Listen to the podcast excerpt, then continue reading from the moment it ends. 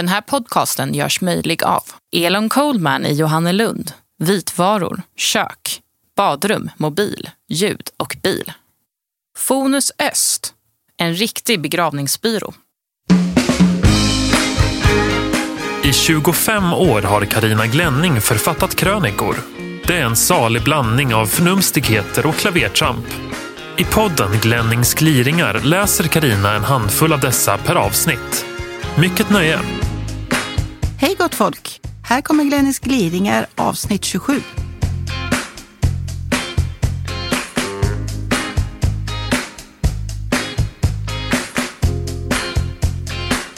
Helggubben flyttar till Svante. Något var definitivt fel redan när helggubben kom på fredagskvällen. Han betedde sig inte alls som han brukar.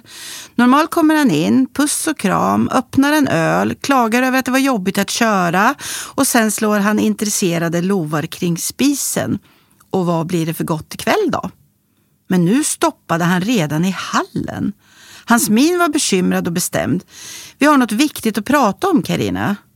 Eh, Okej, okay. ska du inte komma in först? Nej, vi tar det här i hallen. Va? Det är så att jag kommer på att jag trivs bättre med män. Va? Är du homosexuell? Nej då. Vadå nej då? Hur tror du det här känns? Vi har ju varit tillsammans i över fyra år nu. Kunde du inte ha kläckt ur i det här lite tidigare? Nej men alltså det här har inte med sexualitet att göra. Jag trivs bättre i mäns sällskap helt enkelt. Kvinnor är mest krångliga. Alla dessa humörsvängningar och PMS och skit. Jag är väl inte krånglig? För att vara kvinna är ju rena möban. Ja, förvisso gumman, men nu får det bli så här. Jaha, så nu åker du 15 mil hem igen alltså? Nej, jag går in till din granne Svante. Vi har redan snackat om det här. Det var förra helgen när jag var inne hos honom och lånade en rörtång. Faktum är att vi redan varit och tittat på hus. Nu ska vi käka hamburgare. Hej då! Och så tog han en platta öl under armen och gick. Tio meter bort vände han sig om och gasta. Det vore hyggligt om jag kan ha kvar bilen här. Svante har ju så trångt på sin uppfart. Ungefär då ringde väckarklockan på fredagsmorgonen. Allt var en dröm. Helggubben hade varit med ett gäng gubbar i Sälen en vecka, men skulle komma till mig på kvällen. Och det gjorde han också, varpå följande lilla märkliga samtal utspelade sig. Nå, hur var Sälenveckan med grabbarna? Åh, kanon!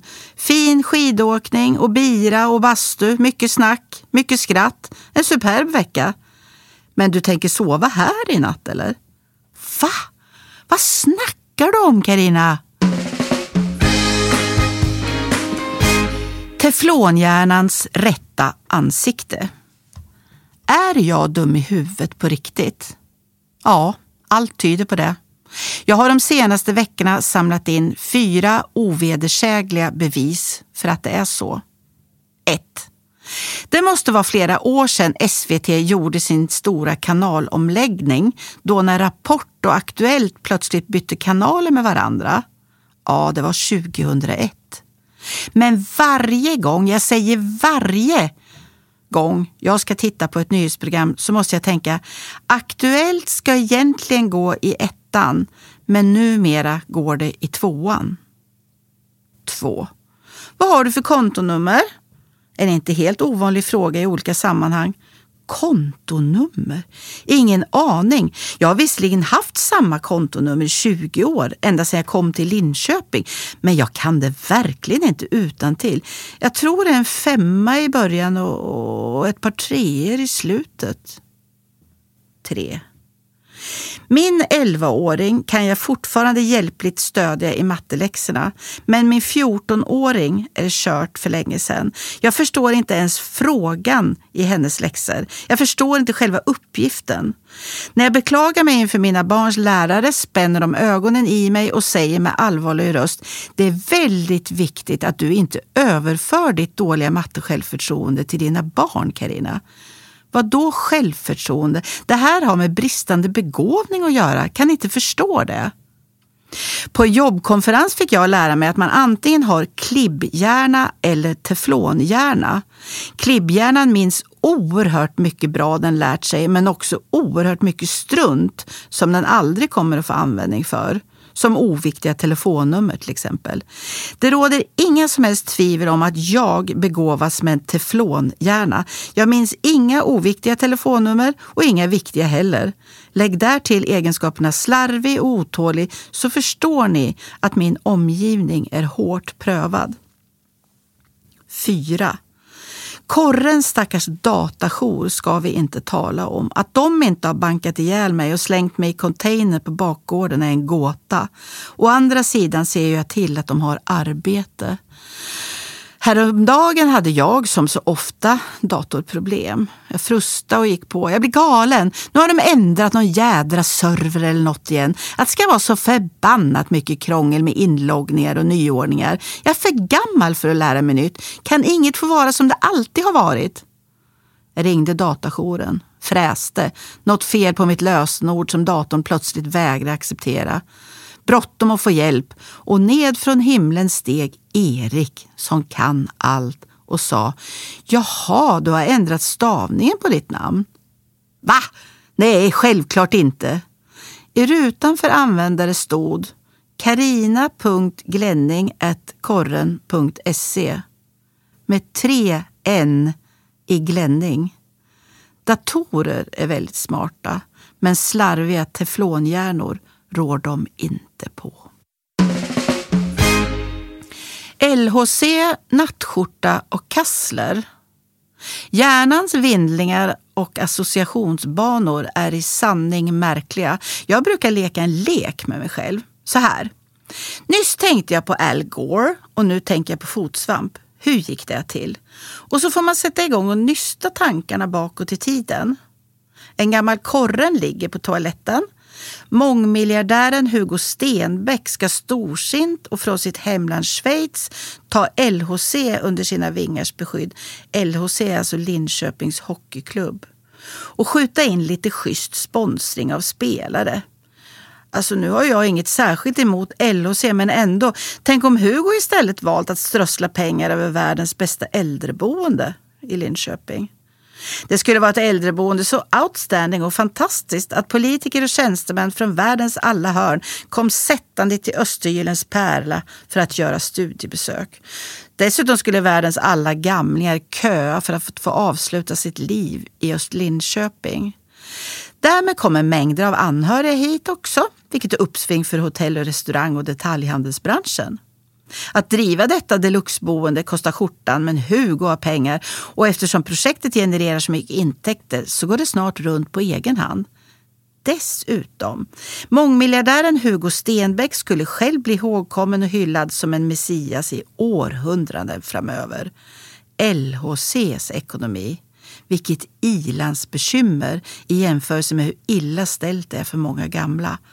Men herregud, vem ägnar sig inte åt ilandsproblem titt som tätt? Det måste man också få göra ibland. Som det här med flanellskjortan, flanellnattskjortan. Jag vill ha det svinkallt i sovrummet men jag måste sluta med den i alla fall. Det är skönt så länge jag ligger still men så fort jag vrider mig i sömnen blir jag tvinnad som en jädra kasslerbit.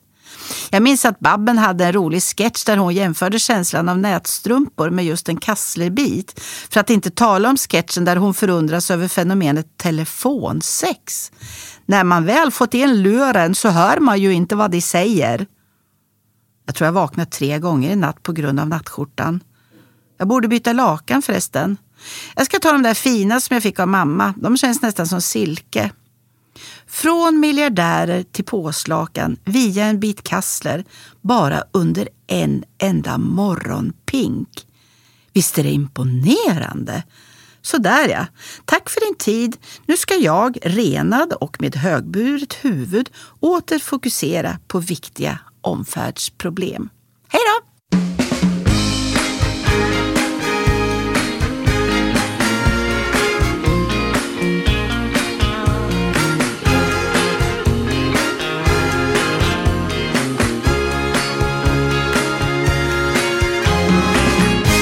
När katten Astor var prao-elev.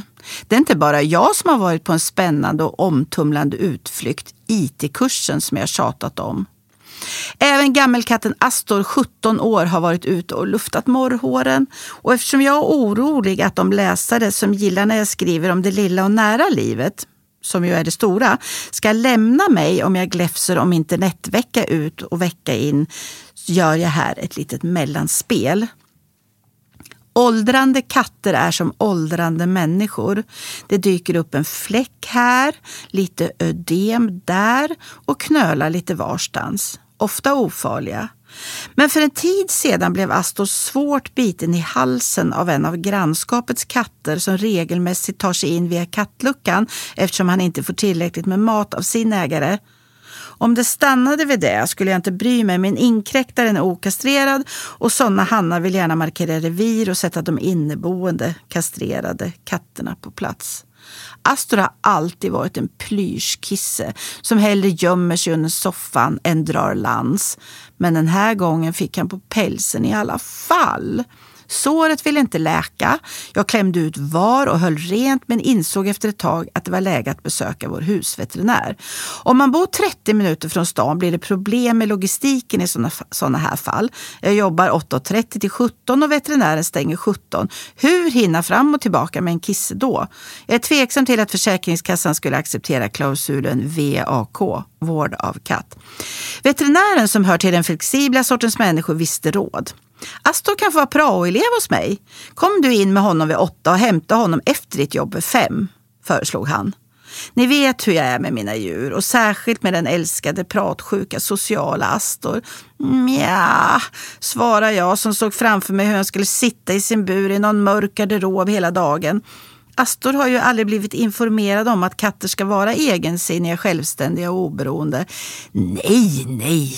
Han får vara med mig i undersökningsrummet hela dagen, visserligen i sin bur, men med mycket spännande att titta på. Åtta hundar, åtta katter och ett så exotiskt inslag som en chinchilla står på dagordningen, förklarade veterinären så kom det sig att min 17-åring hos Peter Bergling fick sig en rejäl inblick i veterinäryrket och andra älskade husdjurs krämpor.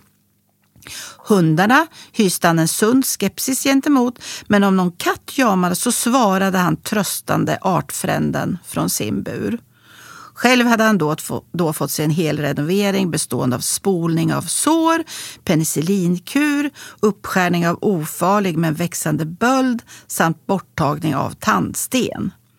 Jag är avundsjuk på Astor. Tänk att få ha en och samma doktor under hela sin levnad. En som vet ens bakgrund och förvarar den i ett tryggt kortkartotek. Aldrig datorhaveri här inte. Så slipper man dra sin sjukdomshistoria för nya nyllen om och om igen. Man skulle vara katt. Mayday, mayday på Åsunden. Jag vet inte vad Gud har för planer för mig och helggubben, men han gillar inte att vi paddlar. Tur ett företogs i november så oddsen var inte de bästa. Vi hade dock den osannolika turen att genomblöta och sönderstormade tas om hand av ett okänt fantastiskt par som bjöd på lyxig gäststuga och en trerätters. Den här gången gav vi oss muntra till sinnes iväg i ala solsken och lätt bris. Men efter bara någon timmes paddling var inte Åsunden den lugna pöl vi lagt ner kanoten i. Den var en fräsande ocean med gäss på vattnet. Vågorna träffade oss från sidan och vi letade febrilt efter en landstigningsplats bland klippväggarna. Snart slog Lill-Gudrun till och det var inte tal om att leta efter en trevlig landstigningsplats. Mayday, mayday! Det var tal om att överhuvudtaget komma i land innan vårt ekipage slogs omkull av vågorna. En lång mörk vik dök upp och vi kryssade, vadade mellan stora stenbumlingar i djupaste dy innan vi nådde land som de första någonsin, vågar jag påstå. Det var ett kolmörkt träsk. Robinson-träsket i tv är rena spaanläggningen i jämförelse. Igenvuxet av sly, dyngsurt i marken eftersom solen aldrig kommer åt i denna gudsfjätna håla. Vi rensade så pass att vi fick plats för de två brassestolarna och satte oss för att vänta på att stormen skulle bedarra och vi kunna dra vidare. Vi längtade intensivt efter det trevliga paret som räddade oss förra gången. Men den enda varelse som dök upp var en nyfiken mink. Förundrad över detta första mänskliga besök i hans träskhem. Timmarna gick, huden blev till garvat läder av att ta emot Lill-Gudrun rakt i fejan. Det var ju ännu värre att glo in på djurskeletten där i slyet. Ovädret accelererade och vi beslutade att rensa mer sly och ta skydd i tältet. Jag la mig och läste, somnade, läste igen, Timmarna gick, regnet smattrade på tältet. Helggubben hade ingen ro i kroppen. En promenad var omöjlig utan machete, sudokupennan var glömd hemma. Han gnällde något alldeles kopiöst stönade över att han inte hade laptopen med sig så att vi kunde se en film, vankade av han de två metrarna mellan vattnet och tältet, gnällde igen. Till slut brast det för mig. Ja, men skärp dig! Inget blir bättre av att gnälla. Vi har mat, vin och varandra. Att paddla nu är omöjligt, så det är bara att gilla läget. Väx upp, kar! Efter en halvtimmes kompakt tystnad började han gräva en markkappa till tältet eftersom vi befarade att det skulle slitas sönder. Han samlade björknäver och dyngsurt virke och fick mot alla odds igång en eld.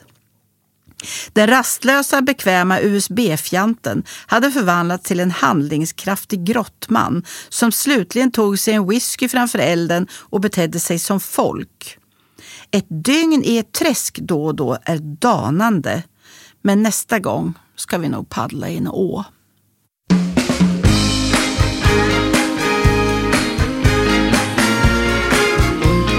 Du har lyssnat på Glennings gliringar Ansvarig utgivare Christer Kustvik